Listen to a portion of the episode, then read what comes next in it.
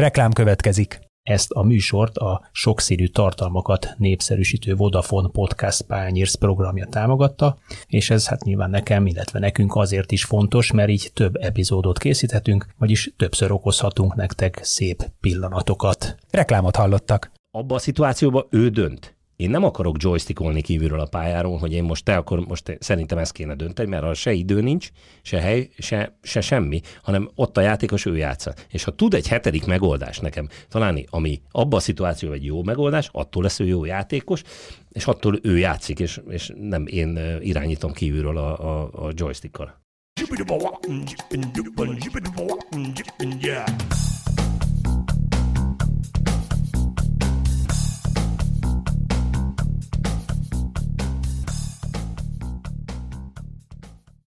Sziasztok, ez itt az Ittszer, a 24.hu focis podcastja, én Kele János vagyok, és ezúttal is itt van mellettem Kálnoki Kis Attila, a főmunkatársa 24.hu-nak. Szia, Jani!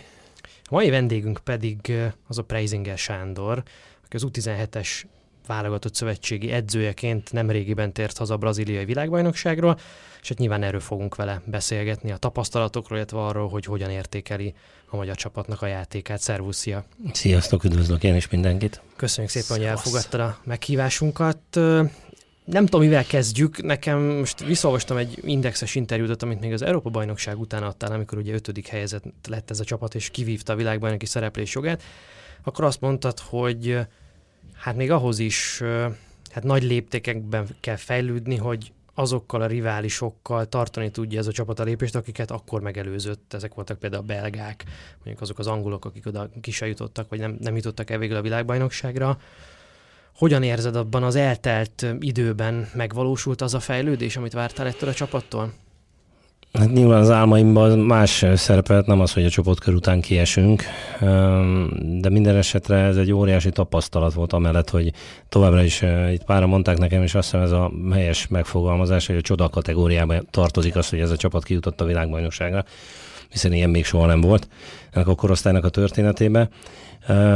nyilván az álmaim az, az volt, hogy tovább menjünk a csoportba, és itt a három meccs távlatából én azt gondolom, hogy nem kellett volna sok hozzá, de úgy, úgy testközelből felszínre kerültek azok a nem azt mondom, hogy hiányosság, de lemaradásaink, amik, amik továbbra is megvannak az elithez képest, és azt gondolom, hogy azért, hogyha reálisan nézzük a dolgokat, nem ötödik legjobb csapat a magyar válogatott ebbe a korosztályba Európába, viszont az Európa bajnokságon minden úgy alakult, az eredmények és a játékosok formája és a többi és a többi, ami, ami ö, eredményezte azt, hogy mi szerepelhetünk ezen a világbajnokságon. Említettél lemaradásokat.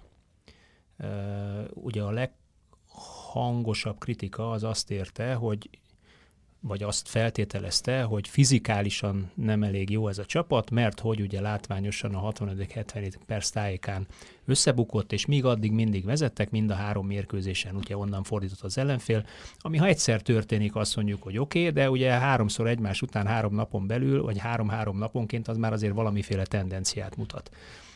Valóban egyére bontva gyengébbek fizikális képességben a magyar játékosok, mondjuk az ekvádori, nigériai vagy ausztrál fiataloknál, vagy pedig más oka lehet ennek? Hát én a személyes tapasztalataimat tudom elmondani, illetve hát a, ugye ezt félig meddig alátámasztja, nem is félig meddig a, az a, a FIFA elemzés, amit ugye minden mérkőzés után mi megkapunk a, mind a technikai dolgokról, mint a, a fizikai paraméterekről. Tehát egy, egyet tudni kell, hogy a magyar válogatott a három mérkőzés tekintetében negyedik legtöbbet futotta az egész világbajnokság csapatai között. Ami önmagába véve azt mutatja, hogy tehát fizikailag megvolt a felkészítés, az önmagához képest egy jó állapotban lévő csapat lépett pályára mind a három mérkőzésen.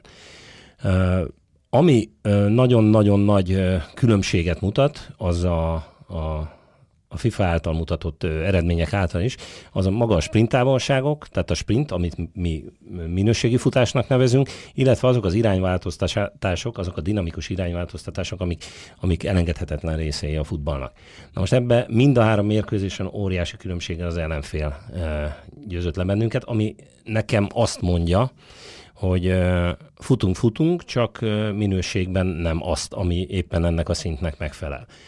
Ugye amellett meg, hogy ennél a tempónál a passz hatékonyságunk is mind a három mérkőzésen messze alul, alul, múlta az Európa bajnokságon mutatott és a selejtezőkön mutatott 80% körüli eredményt. Tehát volt olyan az Ausztrál meccsen 64%-kal passzoltunk, ami, ami, ami nagyon nagy pontatlanság. Ez nekem mind-mind ezek az adatok, ugye másik, tehát rendes foglalkozásom ugye matek tanár, tehát a számok azért alátámasztják azt, hogy, hogy az, az a fajta felkészülés, amin mind átmente, vagy a gyerekek, amin átmentek, ez, ez a szinthez szépen addig volt elegendő, amit te is említettél, tehát hogy nem véletlen, hogy 70. percig az a rengeteg irányváltoztatás, az a rengeteg meló, amit ők beletettek, mind méterbe, mind, mind figyelembe, mind koncentrációba, ez itt bukott ki, hogy már kicsit lemaradtunk, kicsit fogyott az oxigén, és erre dobtuk azokat a hibákat, talán a hegyi hibáján kívül mondtanám, amikor mellé ütött a labdának ugye a, a Nigéria meccsen, ami a, ahhoz azt eredményezte, hogy a saját 16 előtt odapasszolunk labdákat, amiből az ellenfél gólt tud rúgni,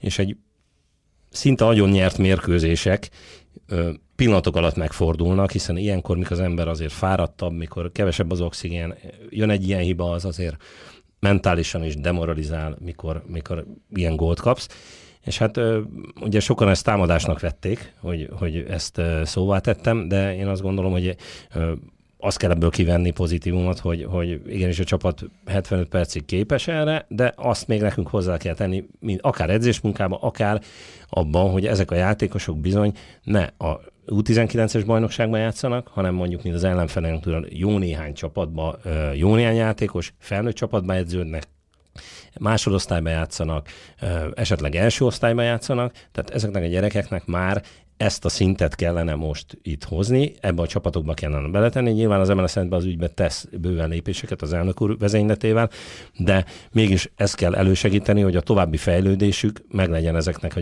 a, a, a, srácoknak, hiszen akárhogy is nézzük, ez a korosztály először elérte a világbajnokságot, és őket kellene most tovább segíteni ilyen szempontból, hogy, hogy még bizony meg tudják lépni azokat a lépéseket, amiket még meg lehet az a következő egy-két évben.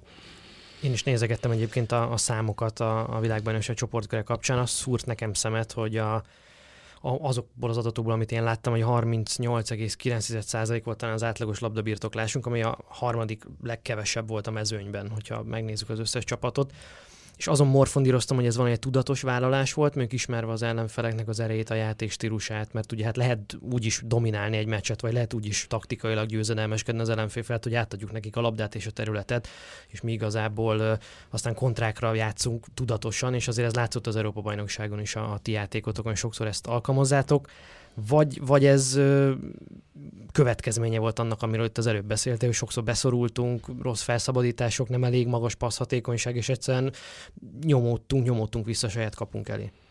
Mert a második rész, amit mondasz, sajnos, tehát annyira arrogánsnak nem gondolom magunkat, hogy mi uh, úgy menjünk fel mondjuk egy portugál válogatott ellen, vagy belga válogatott ellen, már pedig mi fogjuk uh, 70%-ban kontrollálni, vagyis hát uh, birtokolni a labdát, mert ez sajnos nem így van. Nyilván készülünk erre is, mint ahogy az Ekvádor mérkőzésen látsz, az Ekvádor visszaállt a saját tér felére, ott, ott elértük majdnem a, a 50-es labdatartás volt, tehát ott, ott azért tudtunk futballozni, és én azt gondolom 70 percig ott bontottuk is őket, voltak helyzeteink az első fél időben, és azért mondtam, hogy ez egy tulajdonképpen nagyon nyert mérkőzés volt, hanem pontosan ez, hogy a, a, az alatt a nyomás alatt, sokszor, amit ezek a csapatok diktálnak, a, nyilván a, a játékos állomány minősége is meghatározza ezt. Nekünk alkalmazkodnunk kell ehhez a, a futballhoz. Sokszor ez meghatározza azt, hogy én hova helyezem a védelmi vonalat is. Mondjuk egy nigériai válogatott ellen, ahol négy nagyon gyors játékos játszott elől. Nyilván, amikor mi nem birtokoljuk a labdát, akkor nem fogunk középső zónába védekezni, hogy legyen mögöttünk 35 méter, hanem visszahúzzuk olyan 25 méterre, ahol már nincs hely minket megfutni. És abból próbálunk előre menni. Na most ez nyilván alaptaktika volt, amíg mm, tartott ez a fajta energia addig, akkor addig ezt csináltuk is, vezettünk is rengeteg idején, csak utána ugye az energiákat felőrölte az az intenzitás, az a, az a figyelem, koncentráció, ami kimerült abban, hogy mi ö, védekeztünk, és hát az előrejátékban már nem maradt annyi ö, indulás se, meg lehet, hogy annyi hit se, hogy, hogy, hogy mi elinduljunk három-négy emberrel előre, hanem ugye próbáltuk megóvni a, a kapunkat a góltól, de ez, ez, ez valahogy belül a, a mérkőzésen ez, ez a csapatnak a lélektani alakulása is, és ez amikor már úgy ö, ilyen mederbe folyik a mérkőzésben, nagyon nehéz belenyúlni, akármit is kiabálom el az ember kívülről, hogy, hogy éppen mit, mit gondolok én el a, a kontrajátékról. És hát ö, sajnos ö, ezekbe belebakisztunk, és ez eredményezte azt, hogy ö, eredményességben nem az jött ki, amit mi szerettünk volna egy, egy viszonylag szerencsés szövetségi edzőnek mondhatod magad, hiszen ebben az évben hát úgy tokkal vonóval ezzel a válogatottal megkockáztatom, hogy felkészüléssel, mérkőzésekkel együtt legalább egy hónapot együtt töltöttél, hanem kicsit többet. De hát ugyanakkor a tudást a játékosok nyilvánvalóan nem a válogatottban szerzik meg, illetve az ahhoz szükséges fizikai felkészülés sem ott kapják, ami ugye arra predestinálna őket, hogy egyébként megállják a, a nemzetközi szinten is a helyüket. Mit látsz, hogy a magyar utánpótlás klubfutballban zárójelben van egy-két játékos, aki külföldön készül és külföldön tanulja ezt a szakmát. A magyar utánpótlás futball képzése, a bajnoki rendszer, lebonyolítási rendszer, és annak a játék intenzitása, minősége alkalmas-e arra, hogy nemzetközi szintre, vagy ma, stabilan magas nemzetközi szintre vigye az utánpótlásunkat, ha nem, akkor pedig miért nem? Hát ez egy nagyon összetett kérdés. Most azt gondolom, hogy gyorsan eszembe jutott ugye a 2000-es, 2001-es és 2002-es korosztálya válogatott szinten, ami ugye 2000-es kim volt az EB, majdnem VB résztvevő lett, 2001 majdnem kijutott az EB-re, mi ugye kijutottunk a VB-re, tehát én azt gondolom, hogy a, azért a, a az előrelépés a számokban is mutatható, és kézzelfogható. Tehát az akadémiai munka, és abba belül is eh, a, a tehetséggondozás azt gondolom, hogy jó úton jár. És a nyolc csapatos bajnokság, ugye azt azért mondjuk a kiemelt Igen, de most ugye változik a, a, a bajnokság, tehát ilyen szempontból ugye meg, amit de most említ... még az van. Most még a nyolc csapatos van. Vált... Kiemeltben, nem? Most változni fog majd, most nem tudom pontosan, hogy már megváltozott, most egy kicsit megkeveredtem, de az, hogy meg fog változni ez a bajnokság, tehát kicsit több lesz majd, tehát nem, nem a nyolc csapatból egy kiesik, és arra megy majd minden héten a, a a matek, hogy most kiesünk vagy nem esünk ki, hanem, hanem és ugye ez az eredményeztette, hogy minden egyes klub a adott korosztály játékos, hát az adott korosztályban játszott, hiszen eredménykészer volt. Holott a válogatottnak is az az érdeke, hogy a tehetségesebbek minél följebb játszanak, hogy minél előbb érjenek bele a, a, felnőtt futballba, minél előbb vegyék föl pontosan ezt a tempót, ami a világbajnokság is ö, igényel, és ugye itt voltak sértődések abból, hogy én azt mondtam, hogy, hogy mondjuk az U19-es bajnokság nem éri el azt a szintet, hogy ami világbajnokság. Hát, hát akármit is mondanak, tényleg nem éri el ezt a szintet, de nem is hiszem, hogy ez, a, ez a, a, az akadémiáknak a hibája, hogy egymás közötti mérkőzések, hiszen nem is érheti el, hiszen nem játszanak olyan minőségi játékosok.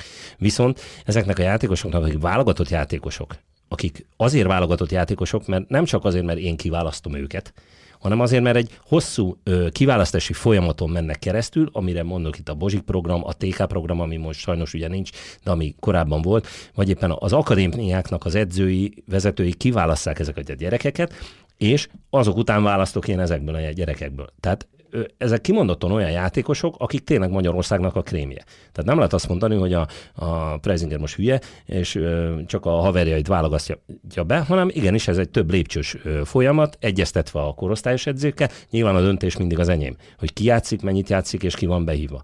Erre semmilyen ö, irányú nyomás nincs rajtam. Tehát, hogy ezek a gyerekek minél előbb följebb kerüljenek, minél előbb szerepeljenek, főleg a 18-19-ben már felnőtt bajnokságban, hogy azt a fajta tempót, ami közelít a világbajnokság, vagy éppen az Európa-bajnokság ö, tempójához, azt ők föl tudják venni. Tehát ilyen szempontból jó lesz ez a változás, hogy ezeket a gyerekeket fölfelé lehet versenyeztetni, és kell is fölfelé versenyeztetni. Most azért mondtam én azt, hogy az eddigiekben ugye nem ez volt a tendencia, és ilyen szempontból nem lehet fölkészülni a 19 bajnokságban.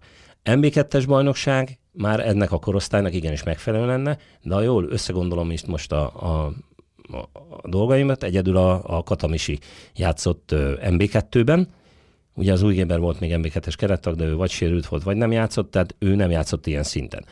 Az összes többi játékos vagy 19-es bajnokságban játszott, vagy éppen kin ugye 7 darab külföldön játszó játékosunk van, tehát ilyen szempontból különbséget nem véltem fizikailag felfedezni a között, azok között a játékosok között, akik mondjuk a, a hazai bajnokságban jönnek, illetve a külföldiben. Egyetlen egy dolog, ugye, hogy én nekem, ha mit tudom én, négyes fokozatban megyek autóval, akkor azt én meg tudom csinálni 90 percig, de hogyha már föl kell kapcsolni hatosba, akkor az már nem biztos, hogy addig megy a, a pörgéssel, meg az intenzitással. Na ehhez kell közelíteni az a mindennapok munkájába, meg ugye, hogy minden több ilyen mérkőzés játszanak ezek a játékosok. Korábbi interjúban azt is nyilatkoztat Kemény Dénes könyvére hivatkozva, hogy a legjobb csapat az nem feltétlenül a legjobb játékosokból áll. És én gondolkodtam ezen, még néztem a, a VB meccseit, hogy vajon ez a csapat most a le, az elérhető legjobb játékosokból állt, akit kivittél végül, és hogyha nem, akkor volt olyan, akinek bizalmat szavazta és csalódást okozott. Most nem is feltétlenül a neve érdekel, csak hogy egyáltalán hogyan hoztad meg ezeket a személyi döntéseket, vagy mennyire volt ez nehéz? Hát a végén mindenképpen nehéz volt, hiszen volt, én azt mondom, egy 25-ös keret, aki úgy végigjött velünk az úton, és kiválasztódott. Most ezt tudni kell, hogy ezelőtt ugye három és fél éve vettem én át ezt a korosztályt, körülbelül 90 játékos fordult meg edzőtáborba, vagy mérkőzésen a, a csapatba, és ennek a folyamatos változásából alakult ki az utolsó évre ez a 25-ös keret, amelyik úgy gondoltuk, vagy úgy gondoltam, hogy megüti azt a szintet. Na most ugye közben volt nekünk egy csehországi turnénk is, ahol még ezt a társaságot, ugye majdnem kihagyva az első 8-10 játékost, kivittük, és ugye kaptunk a csajektől egy ötöst, és nem úgy nézett ki a dolog, és igazán ott derült ki az, hogy ki az a, az a 18-20 ember, aki, aki tényleg jelen állapotában meg tudja azt, azt a szintet ütni, amit megkövetel a, a, a nemzetközi szint. És hát a végén nyilván ilyenkor kicsit az emberben a három és fél év után már kialakul olyan nem azt mondom, hogy kötődés, de olyan szimpátia is, ami alapján nagyon nehéz volt meghozni egy-két személyi döntést, de, de alapjában véve én azt gondolom a Becker Rolandot kivéve, aki hosszú ide sérült már, és ugye München labdak játékosa, a rendelkezésre álló legjobb keret jött ki a, a, a világbajnokságra. 17 azt hiszem egyezéssel az Európa bajnoki kerettel. Nekem mindig, mindig ez egy ilyen veszőparipám, ugye itt most is szó volt tehetségről, tehetségkiválasztásról, hogy adott korosztályban ugye mindig ki az, akit tehetségesnek tartunk. Csak hogy egy, egy példát mondjak, ugye az egyik belső védő fiú, a Balog névre hallgató fiatalember, igen. igen, Hát egy hegyomlás, tehát 195 centi magas, akkora combja van szerintem, mint Szanyi Andornak fénykorában kis túlzással. El is vitte ugye egy olasz csapat nyáron, ráadásul zárójelbe jegyzem meg, ugye míg egész tavasszal játszott a klubcsapatában, a VB-re már úgy érkezett ki, hogy nem volt tétmeccs a lábában, vagy talán csak egy. A pármában. ez is, igen, vagy a pármában. Tehát ugye ez is befolyásolja az aktuális ö, ö, fizikai formát, vagy játékformát. De hát Ugye lehet, hogy vannak olyan játékosok, akik egyébként 17 éves korban még a fizikai érettségnek nem állnak azon a fokán, hogy felnőtt labdarúgók legyenek, egyébként rendkívül tehet, vagy, vagy hogy nemzetközi szintet megüssék, és felnőtt futballba lépjenek, akár itthon is, de, de mégis tehetségesnek gondolják őket az edzőik. Ezek a gyerekek hogy kerülhetnek följebb és följebb a ranglétrán, hiszen ezek a gyerekek pillanatnyilag hát másodni, harmadsorba vannak tolva, mert fizikai korlátaik vannak. Hát igen, annak idején ebben a 90-ben ők is ben voltak. És ö, folyamatosan én ugye járom a mérkőzéseket, a korosztályos mérkőzéseket, minden hétvégén valamelyik ö, ö, mérkőzésen én kim vagyok. Tehát ö, folyamatosan én figyelem őket, és, és nyilván ö, ugyanúgy képbe vannak. És ö, ugye nagyon jó erre azt hiszem a, a Belgiumban voltam nem régi, vagy ilyen konferencián, és ott a ilyen future program van, a, ugye majdnem minden ö, ö, Hát elég sok, azt mondom inkább nyugat-európai ország, tehát Belgiumtól elkezdve az északi országokig, akik pontosan az adott korosztálynak az úgynevezett retardáltabb játékosait gyűjtik együtt, egybe is ők, őket is folyamatosan versenyeztetik, egy fél évben azt hiszem két-három ilyen alkalom van, és ö, tényleg a sportágnak megtartják őket, hogy ne menjen el a kedve, vagy éppen ne hagyja abba a futballt azért, mert ő most éppen fizikailag még nem tartott a fejlődésbe, amit az adott szint aktuálisan megkövetelne. Azt hiszem a Mert- miért nincs? Mertens ilyen játékos a belgáknál, akik nagyon a, az előtérbe toltak, és hát ő, ő be is érett. Tehát nyilván erre apparátus kell, kapacitás kell, nem tudom, tudunk róla, vagy tudnak róla, az, hogy most terve van egy, egy ilyen csapatnak a, a versenyeztetése, azt gondolom, hogy nem egy rossz ötlet, sőt, egy nagyon jó ötlet. De visszatérve a kérdésedre, tehát én is folyamatosan figyelem őket, ezeket a általam is tehetségesnek ö, tartott játékosokat, hogyha majd ö, utolérik magukat, akkor, akkor nyitva van előttük a továbbra is a válogatott kapuja, de azt gondolom, hogy bármelyik kollégámat említhetem, ők is ugyanígy tesznek a saját korosztályuknál. Ez nagyon érdekes, amit Attila mondott, mert beszélünk a fizikai érettségről, meg a párharcokról, amik egyébként akár ezen a szinten, vagy ebben a korosztályban is el tudnak dönteni egy-egy mérkőzést. Nyilván mondtad a statisztikát, nyilván ezt is ki lehet ebben fejezni. De azt néztem meg a VB után, hogy a védekező párharcait a, a magyar válogatott milyen arányban nyerte, és ott valami 58% körül jött ki talán nagyjából. És nem is ez volt az érdekes, ez valahol a középmezőny alja körülbelül 14 Tehát 15 ez is alacsony szám, eléggé alacsony. Alacsony szám. Igen. Főleg akkor alacsony, hogyha összevetjük a csoport ellenfelékkel. A Nigéria volt ebben a csoportkör legjobbja egyébként, aztán Ecuador és Ausztria meg valahol a harmadik, negyedik, ötödik helyen voltak. Tehát, hogy ebből én azt olvastam ki, hogy, hogy az ellenfeleink a csoportban meg éppen abban voltak talán a legerősebbek, amiben mi még úgyis a leggyengébbek, hogy, hogy adott esetben nyilván azokat igyekeztél is kivinni, akik azért fizik, fizikálisan, meg a, a fizikai fejlettségükben megütik azt a szintet, vagy majdnem megütik azt a szintet, ami kell. Na most itt a fizikai fejlettség nálam nem azt jelenti, hogy erősek, meg magasak. Mert azért megnézzük mondjuk a Major Samut, nem egy kimondott kidobó ember, még vannak páran köztük, akik, akik abszolút a futball tudás, illetve a mentalitás, illetve az agresszivitás, ami, ami elengedhetetlen ez a sportágat, abba ők ugyanolyan jók. Kellő x Igen, igen, igen. Mm. Tehát most a Balog Botira visszatérve, tehát a Boti is a korosztályban az egyik legjobb játékos, nem véletlenül került ki Pármába. Tehát arra meg igazán nincs lehetőség, hogy, hogy ezek a srácok ugye 20-25 nemzetközi mérkőzéssel a lábukba, válogatott mérkőzéssel a lábukba érnek el addig, hogy ők mondjuk Európa bajnok selejtezőt játszanak.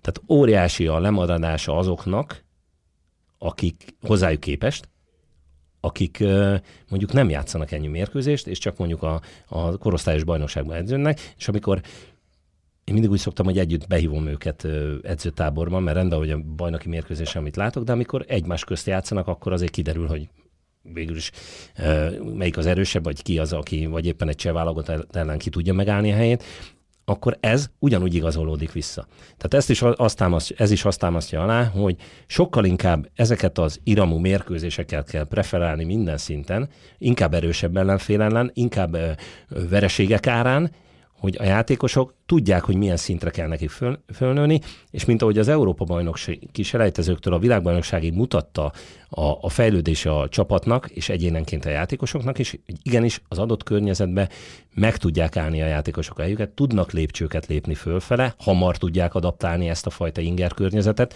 és innentől kezdve jobban tudnak fejlődni. És az egy nagyon nagy téveszme, hogy ezeket a fiatalokat nem lehet berakni felnőtt csapatokba. Én azt akkor hiszem el ezt, amikor berakod a felnőtt csapatba, és 3-4-5 mérkőzés után is még ugyanazt a gyenge teljesítmény hozzá, mert akkor tényleg képtelen arra, hogy szintet lépjen. De ha figyelembe vesszük ezt az Európa bajnoki menetelésünket, meg azt, hogy kijutottunk ilyen szintre, ilyen csapatok ellen, akkor igenis ezekben, ezekben a srácokban van jövő, van fejlődési lehetőség, és én továbbra sem gondolom azt, hogy ez az évjárat sokkal erősebb lenne, mint az összes többi oké, okay, nemzetközi szintű iramú mérkőzéseket kell játszani minél többet. Ez pillanatnyilag úgy néz ki, hogy maximum annak adatik meg Magyarországon, aki a válogatott, korosztályos válogatott a keretében benne van. Ugyanakkor én visszaemlékezve a saját fiatalságomra, a 70-es évek végén, 80-as évek elején, a, a, a Fehér úti lőtéren sportoltam, oda jártam lőni, és ugye a KSI-nek a futball szakosztálya, akkor ott volt, ott futballozott. A KSI akkor ugye központi sportiskola, a kiemelt tehetséges játékosoknak volt a gyűjtőhelye, és én mindig tátott szájjal figyeltem, a, amint vonultam be ugye a, a, a pisztoly raktárba, a páncélterembe a pisztolyokért, hogy a fali újságon föl van írva, hogy U15-ös korosztály Belgium 1 hét, U16-os korosztály Franciaország 1 hét, és folyamatosan utaztak. Azt láttam, hogy minden héten valamelyik csapat valahol Európában járt.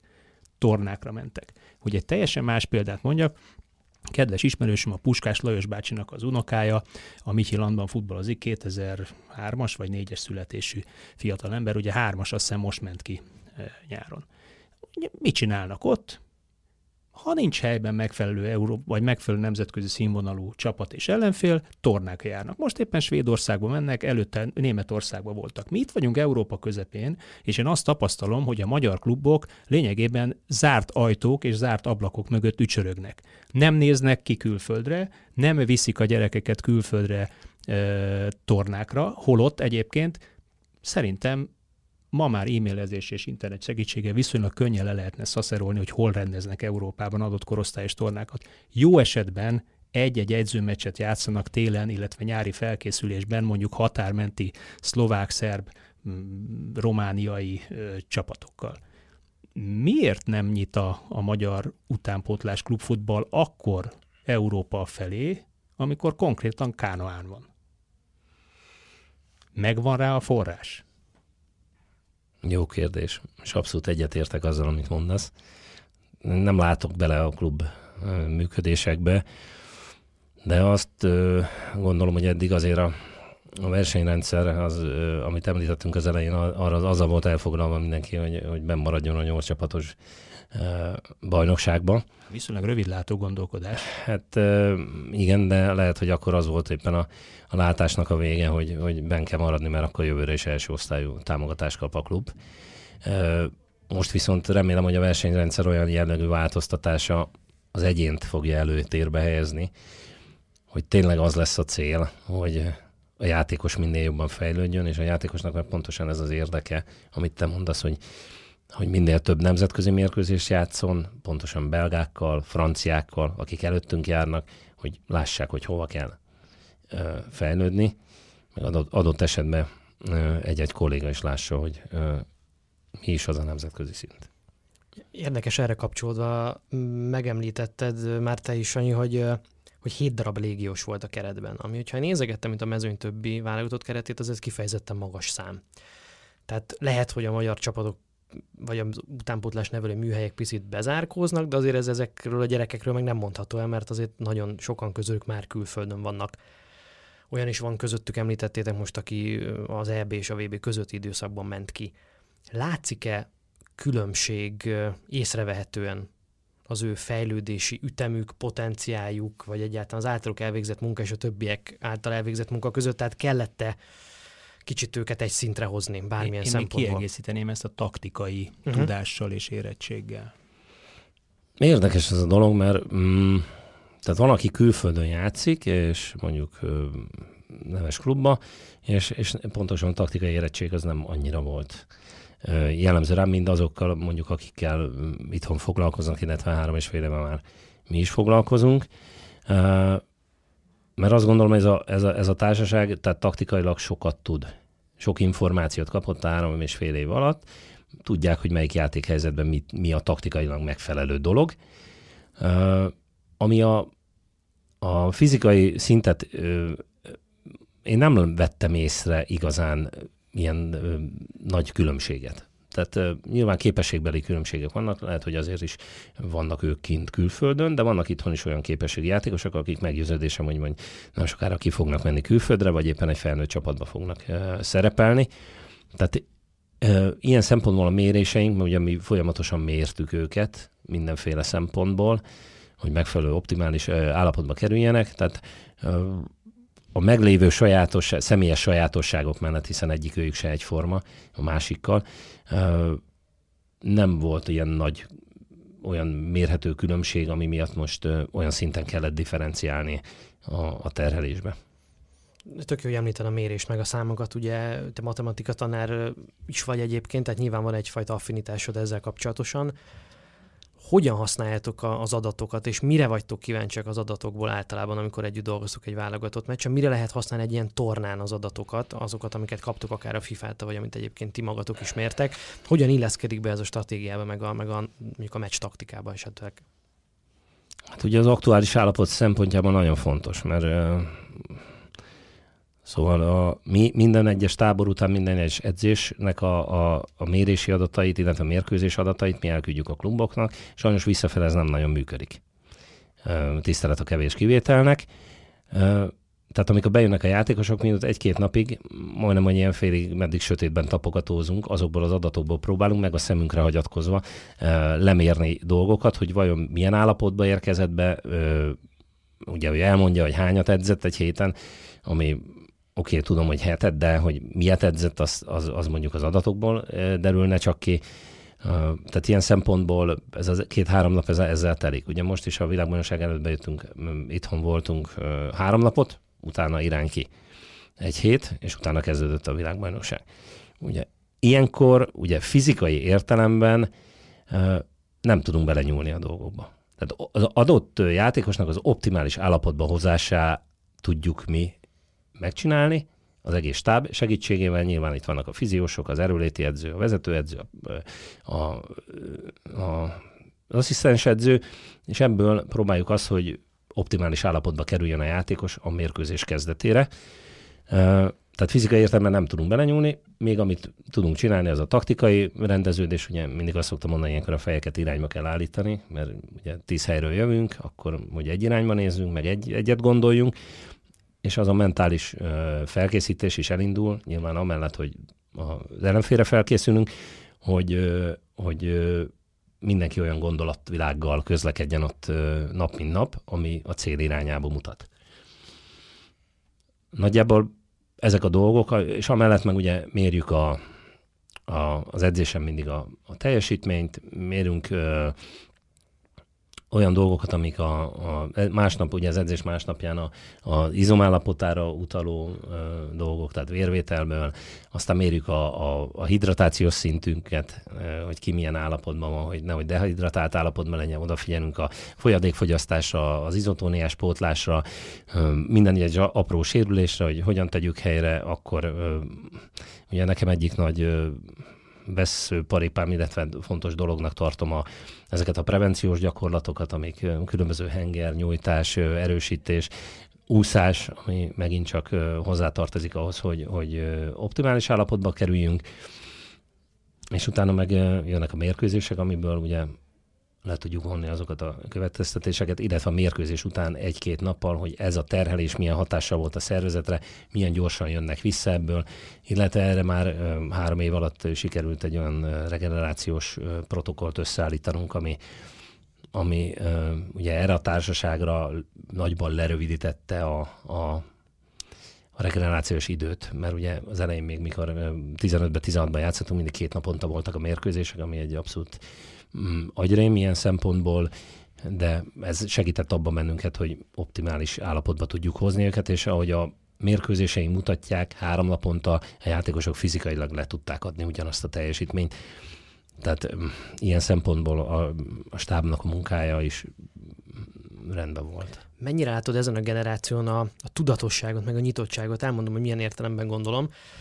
Én ezzel szoktam időnként beszélgetni kifejezetten fiatalokkal, vannak, akik közülük fociznak, és, és igyekeznek előrébb lépni ebben a, ebben a sportban, és azt látom, hogy van egy réteg, van egy generáció, aki, aki nagyon nyitott egyrészt a mindenféle adatalapú, meg technológiai újításokra is, meg másrészt az interneten beszereznek mindenféle információt, akár itt olyanokra gondolok, hogy most milyen szögbe várd labdát, mit csinál, és akkor sztárjátékosoknak nézik az elemzéseit, amik erről készültek, mennyire látod a tudatosságot az ilyen egyéni fejlődésben, meg az ilyen kis hát angol úgy megyek ezt, hogy cutting edge-eknek a keresésében, amikor egy nagyon pici kis apró dolgot keres, amiben egy valamennyivel jobb lehet, mert én hallok olyat is, hogy azért a fiatalok között most már sok mindenkinek van erre igénye, vagy, vagy tudatossága egy picit jobban, mint mondjuk tíz éve korábban. Mm, én merem azt gondolni, hogy ez a társaság, akit sikerült összeválogatnunk ennyi idő alatt, mentálisan mind ilyen jellegű játékosokból áll. Tehát akik, akiknek igénye az, hogy, hogy fejlődjenek, igénye az, hogy, hogy előbbre lépjenek, akár egyénileg is, Nyilván azért 15 éves kortól eljöttünk most már 18 éves korig, itt, itt azért nekem is vannak gyerekeim, tehát tudom, hogy vannak ilyen korosztályos problémák, amikor egy kicsit úgy elszállunk magunktól, vissza kell hozni őket, stb. stb. Ilyenkor azért ez a dolog egy kicsit megbicsaklik.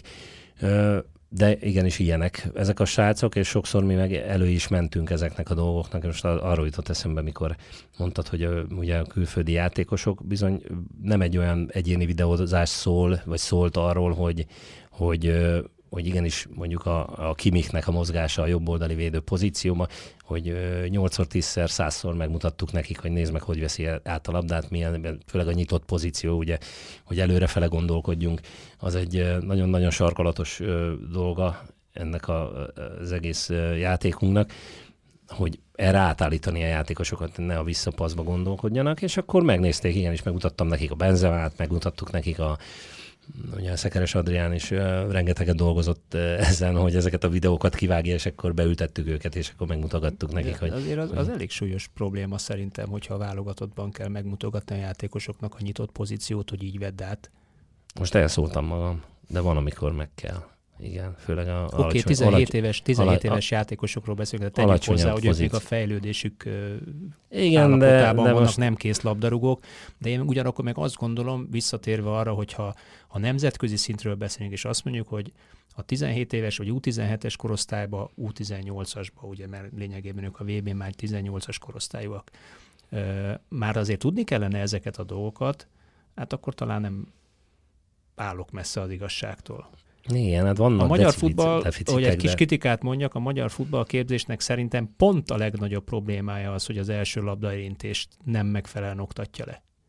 Az, hogy milyen pozícióban várom a labdát, tudom-e, hogy körülöttem mi van, és milyen területre hogyan veszem át, hogyan érek hozzá.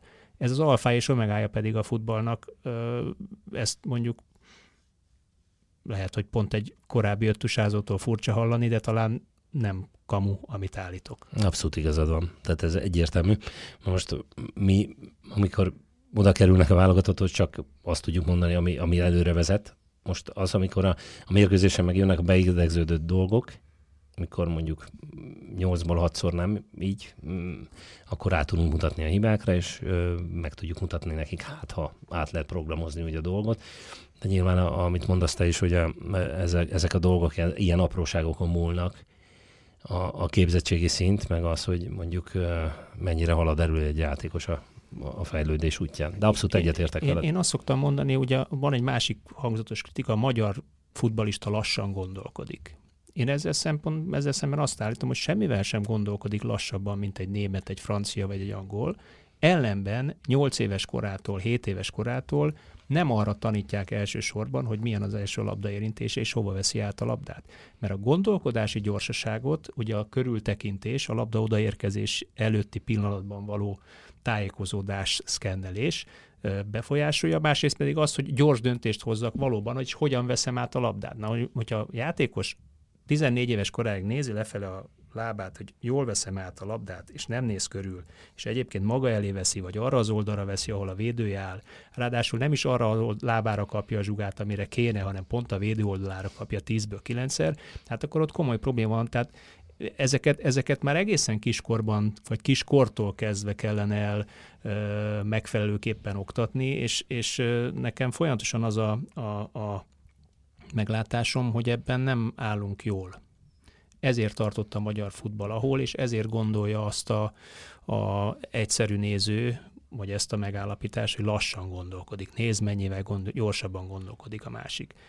E, ezen lehet-e valamilyen módon, hát hülye szó, de központilag változtatni? Alkalmas-e a magyar edzői kar arra, hogy egy, egy központi irányelv gyakorlat sor mentén tényleg állítólag a németek meg a belgák így csinálták, meg az osztrákok elindulnak egy irányba, és akkor mennek erre felé. Hát egy központi ilyen szinten megkövetelt rendszer, ez, ez, ez tényleg nem ártana, mert mert ennek lenne létjogosultsága, de továbbra is azt gondolom, hogy a, itt azért a, a képzett edzők kön van a hangsúly, akik észreveszik a hibát, tudnak hibát javítani, és, és meg tudják mutatni azt a, a kisgyerekeknek, hogy ezt hogyan kell csinálni, vagy éppen úgy olyan pedagógiai módszereket rá tudják vezetni arra, hogy bizony ezt csinálja, vagy ugye, ami a, a talán legnehezebb része ennek az edzői dolognak, hogy olyan körülményeket teremtek az edzésen, olyan szabályrendszert, vagy olyan gyakorlatokon keresztül, ami ezt hozza ki a játékosokból. És nyilván ez felkészültnek kell lenni, és ez érteni kell mindenkinek a szakmát. Nyilván a kulcs fogalom itt valószínűleg az automatizmus, tehát hogy amit mondta, hogy lassan gondolkodik, vagy ugye nem nagyon kell már gondolkodni ilyen dolgoknál, hanem mielőtt átveszem, már tudom, hogy mit csinálok vele, vagy hol helyezkedik a társ. Annyiban megvédeném meglepő módon a magyar futballt, hogy amit említette, hogy ennek a minimumnak kellene lenni, ugye Attila mondtad, hogy egy, egy válogatottnál még ilyenekkel kell foglalkozni. Épp a minap láttam egy videót Manchester City nem, tőlük szivárgott ez ki, vagy nem tudom, tették, és az Arteta magyarázott egy ez számomra rém, rém egyszerűnek tűnő megoldást a bal oldalon, hogy hogyan kell megbontani az ellenfelet, és hogyan jön ez az underlap, meg az overlap, hogy följön a szélső hátvéd, és utána azt próbáltam magyarázni a Benjamin Mendinek, aki a bal hátvédje, az egyik bal hátvédje a Citynek, hogy, hogy az alapvonaltól akkor hogyan csinálja meg ezt az úgynevezett cutback passz, tehát hogy ne átívelje túl oda, hanem visszagúrítsa alaposan, és már ott fog jönni a társ. És hogy aztán nem is tudom, melyik meccset egy ilyen góllal nyerték meg még a tavalyi szezonban, hát ez sem tűnik egy túl bonyolult dolognak, de ezek szerint a Manchester city is el kellett magyarázni, vagy erre rá kellett vezetni a játékos adott helyzetben, ezt csináljátok, mert ez fog működni ellenük. Nyilván mindig mindent el kell magyarázni, és felnőtt szinten is újra és újra iskolázni kell. Hát ugye egy, egy hogy megint csak a saját példámat mondja, egy vívó. egy vívó is ott kezdik, hogy egyenes szúrás, így kezdődik az iskola. Tehát nem komplikál össze-vissza, egyenes szúrás, lépés előre, egyenes szúrás. Tehát ugye mindig, mindig az alfánál kezdi még a felnőtt labdarúgó is a, a, az, az ismétlést, vagy ott kell kezdje.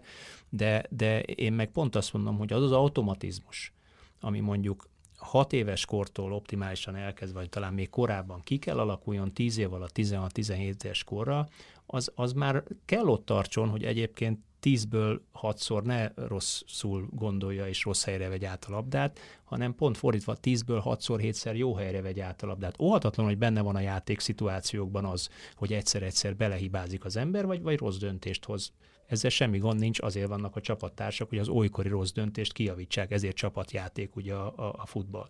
Meg hát gyerekekről beszélünk. Vagy, hogy, is vagy hogy mekkora nyomás alatt tudod megcsinálni. Vagy hogy mekkora nyomás alatt tudod megcsinálni. Természetesen. Én ezt láttam itt a világban, hogy meccsekre visszatérve egy picit, hogy azt látom, hogy ahogy fokozódik a nyomás, vagy valaki nyomás alatt van. Ja, pont ez a lényeg az egésznek, tehát hogy az edzésen is, vagy a mérkőzéseken is, az edzőmérkőzéseken olyan körülményeket kell teremteni, amik hasonlóak ahhoz, amiben nekem végre kell hajtanom majd a mérkőzésen a dolgokat. Mert ha egy teljesen más ö, környezetbe kerülök, ugyan nem más a környezet, de más az intenzitás a környezetnek, akkor nyilván az egy idegen helyzet nekem, és abban nem jöhetnek elő az automatizmusok. Vagy azok az automatizmusok, amik működnek, azok már ott már nem felelnek meg, mert lassúak lesznek, mert annyi időm már nincs. Mert itt még van időm lenézni, fölnézni, és utána passzolni, ott már nincs idő erre mert pillanatok alatt, tehát vannak jelek, amire már indulnak, és, és, és nincs arra időm. És arra már akkor az jön be, ami, ami nekem automatán be van az agyamba, ami be, be van rögzülve, hogy azt fogom végrehajtani. A végeredményben az ellenfélnek is ez a célja, hogy úgy szervezze a játékot, hogy ezeket az automatizmusokat, labda kihozatali begyakorolt útvonalakat megbontsa, megzavarja, mert abba hibázik bele az ellenfél, tehát Igen. minden játék erről szól. Például nálunk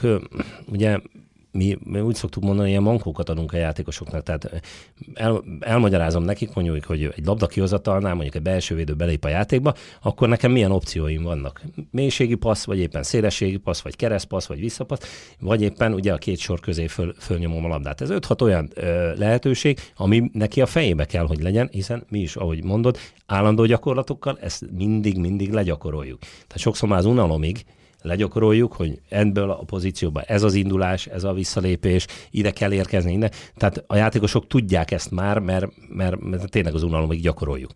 De ugye abban a szituációban ő dönt. Én nem akarok joystickolni kívülről a pályáról, hogy én most te akkor most szerintem ezt kéne dönteni, mert ha se idő nincs, se hely, se, se semmi, hanem ott a játékos ő játsza. És ha tud egy hetedik megoldást nekem találni, ami abban a szituációban egy jó megoldás, attól lesz ő jó játékos, és attól ő játszik, és, és nem én irányítom kívülről a, a, a joystickkal. Igen, végül is a, a gyors döntéshozatal és a jó döntések hozatala is egy, egy tehetség mérce, ugye? Hát, nyilván ezen múlik. Gyorsabban és jobban hoznak döntéseket. Vagy meglát, meglát olyat, amit más nem Így lát. van, majd 10-ben 8-szor jó döntés azok, akkor jó játékos vagyok. Hát nekem, nekem akkor... ebben ugyanakkor az a, az a tiszteletes kérdésem, hogy oké, okay, itt akkor leszűkítettétek ezt a 90 embert 21 néhányra, hogy ebből mit látsz ebből a 21 néhányból, hány olyan játékos van, akinek potenciális és komoly esélye van arra, hogy belépjen a felnőtt futballba, hiszen ugye ez az első, vagy itthon, vagy külföldön, és ki az, aki esetleg még ebből a szintből, hogy felnőtt futball, tovább tud lépni, és válogatott, és mondjuk egy komolyabb nemzetközi szintre elérhet? Én azt mondom, hogy amit mondtam nekik a, a VB után is, hogy ők most túl azon, hogy ez az eredmény volt, ami valljuk be mindannyiunk számára egy kicsit csalódás, de valamennyire büszkeség is, hogy mi eljutottunk erre a szintre. Tehát olyan tapasztalattal gyarapodtak, mint még senki előttük ebbe a korosztályba. Tehát tudják azt, hogy melyik szintre kell nekik fölfejlődni ahhoz, hogy ők komoly klubban játszanak. És itt most versenyezni kell ugye a nemzetközi futballban alkalomattán az ekvádori játékossal, az ausztrállal, a brazillal, hiszen az adott poszton látták, hogy, hogy most milyen szintű a világfutball, és oda kell neki fejlődni. És azt mondtam, hogy, hogy most kell igazán az az egy-két év, amikor, amikor hozzá lehet ezt tenni, amikor akarattal, melóval, nyilván a tehetség segítségével hozzá lehet azokat a dolgokat tenni, amitől ő majd 21-es válogatott lesz, vagy éppen ben van az U19-es válogatott, vagy éppen A válogatott lesz, és mondjuk egy, elkerül egy külföldre egy olyan csapatba, olyan klubhoz, ahol tovább fejlődhet az adott közegbe. Tehát ilyen szempontból én most azt mondom, az a hét ember, aki kim van, azok, azok mindenképpen, és vannak még az itthoniak közül is jó néhányan, akikben igenis van potenciál, és innentől kezdve csak azon múlik a dolog, hogy ők mennyire állnak mellé ennek a melónak, mennyire viszi el őket e, alkalomattán az egójuk, vagy éppen a, a egyéb ö, ö, duruzsolás, ami elhiteti velük, hogy ők már megérkeztek. Melyik ö, csoportnak van erre nagyobb esélye? Annak, aki már külföldön van, vagy az, aki itthon ö, pallérozódik tovább? Hát... Mi, mi a jobb út? Hát Egy szerintem mind a kettőnek van realitása, hiszen itthon is már megadott hozzá minden feltétel, hogy jó játékosok legyenek. Nyilván az, hogy ha a klubfutballunk tud olyan irányba fejlődni, hogy még nagyobb intenzitások lesznek a bajnokságok, vagy éppen az adott klubba ezek a játékosok bekerülnek az MB2-es csapatba, MB1-es csapatba, és játszani is tudnak, akkor az óriási lökést fog adni a, ebbe a korba a fejlődésüknek. Az jutott eszembe, még beszélgettetek, hogy vajon feltenném azt a kérdést, hogy ki volt az előző U17-es világbajnokság legjobb játékosa, akkor meg tudnátok-e mondani, vagy megmondaná -e bárki? Így fejből soha nem va, fogom va, tudni, de va, látom, te is megnézted. Én is megnéztem, vagy mondjuk igazából először a kettővel ezelőtt itt néztem meg, és azon jobban meglepődtem rajta, hogy az előzőre igaz, igazából emlékezhettem volna. Ugye az előző U17-es VB-nek a legjobb játékos a Phil Foden lett, aki ugye azóta Manchester City-ben is játszogat, bőven játszogat, sőt most már igazából Guardiolát támadgatják is amiatt, hogy miért nem használja őt többet.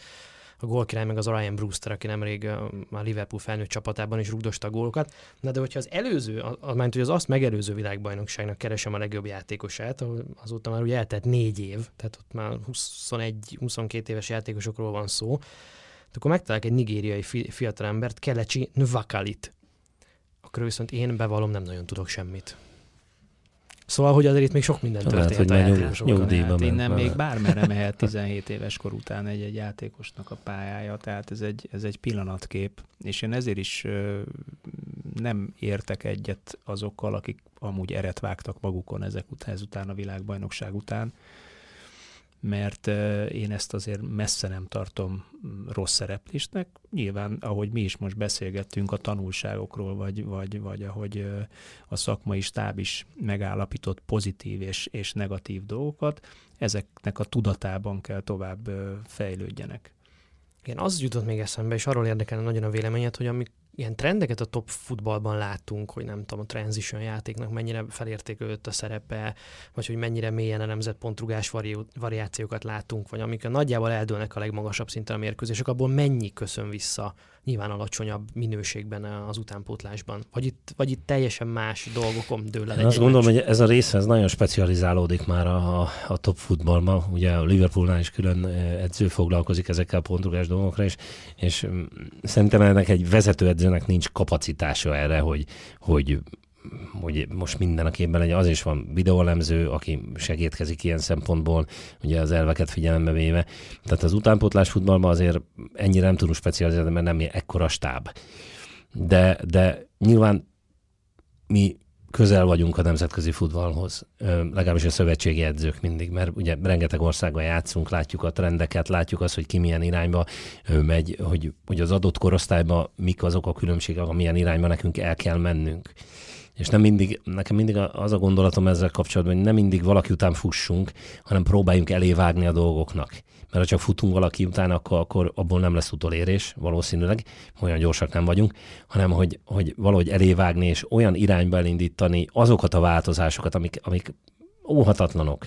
Mert különben nincs racionális alapja, hogy mi abba higgyünk, hogy, hogy most a, mondjuk a bármelyik válogatottunk is világbajnokságra jutott, nyolcba jut, vagy olyan, olyan, olyan vágyálmok, amik, amik, amik normálisak, mert nekem is vannak ilyen álmaim, hogy, hogy, hogy jó legyen, jobb legyen, sokkal jobb legyen a magyar futball, és hogy, hogy sikerek legyenek, hiszen még azért élénken él bennünk az Európa-bajnokságnak a dolga, ahol ott csak ugye idézőjelben a 16-ba jutott a válogatott. Tehát nagyon igényli ez a, az ország, és, és ezért dolgozunk mi is, de azokat a dolgokat, azokat a változásokat, azokat a kritikákat, ami, ami, ami ér bennünket, azt, azt nem úgy kell venni, hogy most minket megsértettek, hanem, hanem igenis úgy kell vennünk, hogy ezekbe fejlődnünk kell, hogy végre megérkezzünk oda, ahova szeretnénk mi megérkezni.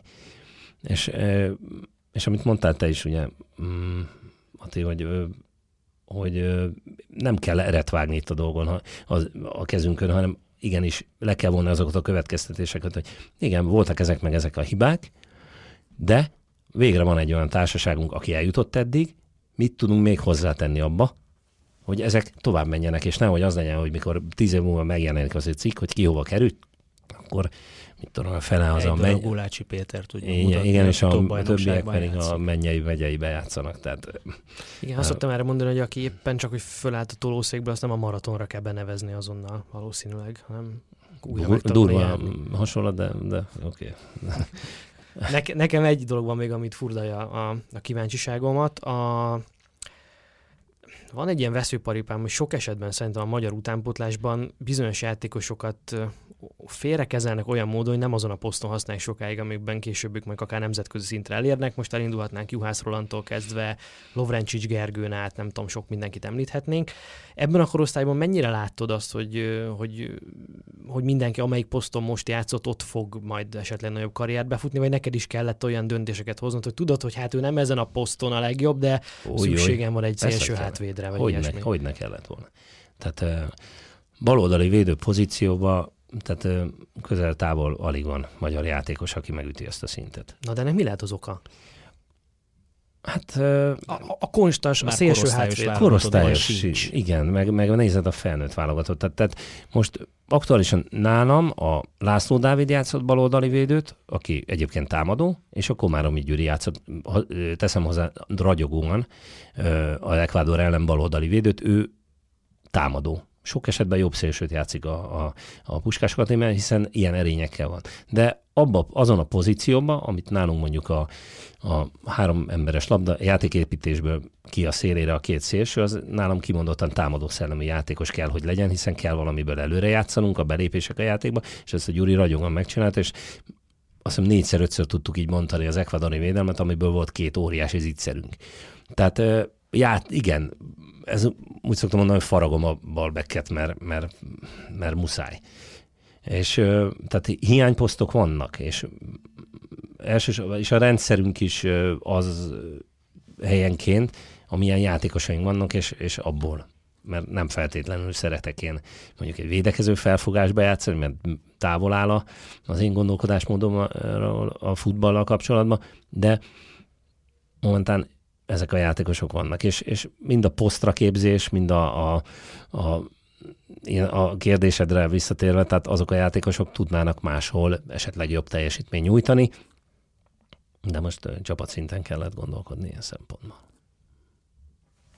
No, hát én nagyon köszönöm, hogy eljöttél, egy csomó hát, mindent megtudtam. Remélem, hogy megérte. És azt gondolom, hogy szerintem az nagyon fontos, hogy mindenkibe tudatosítsuk, hogy amit az Attila is említett, ez egy pillanatkép, és most attól, mert éppen Nigéria, Ausztrália és Ecuador mögött végeztünk egy U17-es világbajnoksági csoportba, attól nem dől össze a világ, attól még ezekből a srácokból lehetnek nagyon jó játékosok, bízunk abban, hogy lesznek is nagyon jó játékosok, és azt gondolom, hogy ha ilyen edzők foglalkoznak velük, mint te, akkor, akkor szerintem bizakodhatunk akár. Sőt, kívánjuk, hogy kívánjuk 19-es korosztályban ugyanek a csapatnak legyen ugyanilyen pillanatképe ugyanebben a magasságban és talán egy kicsit lépjenek előrébb. Ha, Igen, az ha jó, nagyon, jó lenne, hogyha... Ha nagyon optimisták szeretnénk lenni, Igen, talán annak örülnék, hogyha az U19-es EB döntője után itt beszélgetnénk arról, hogy miért csak a a négyig jutottunk, vagy a nyolcig. Ámen, így legyen. Köszönjük szépen, köszönjük nektek a figyelmet köszönjük, és tartsatok velünk jövő héten, és jövünk majd új témákkal és új vendéggel. Sziasztok!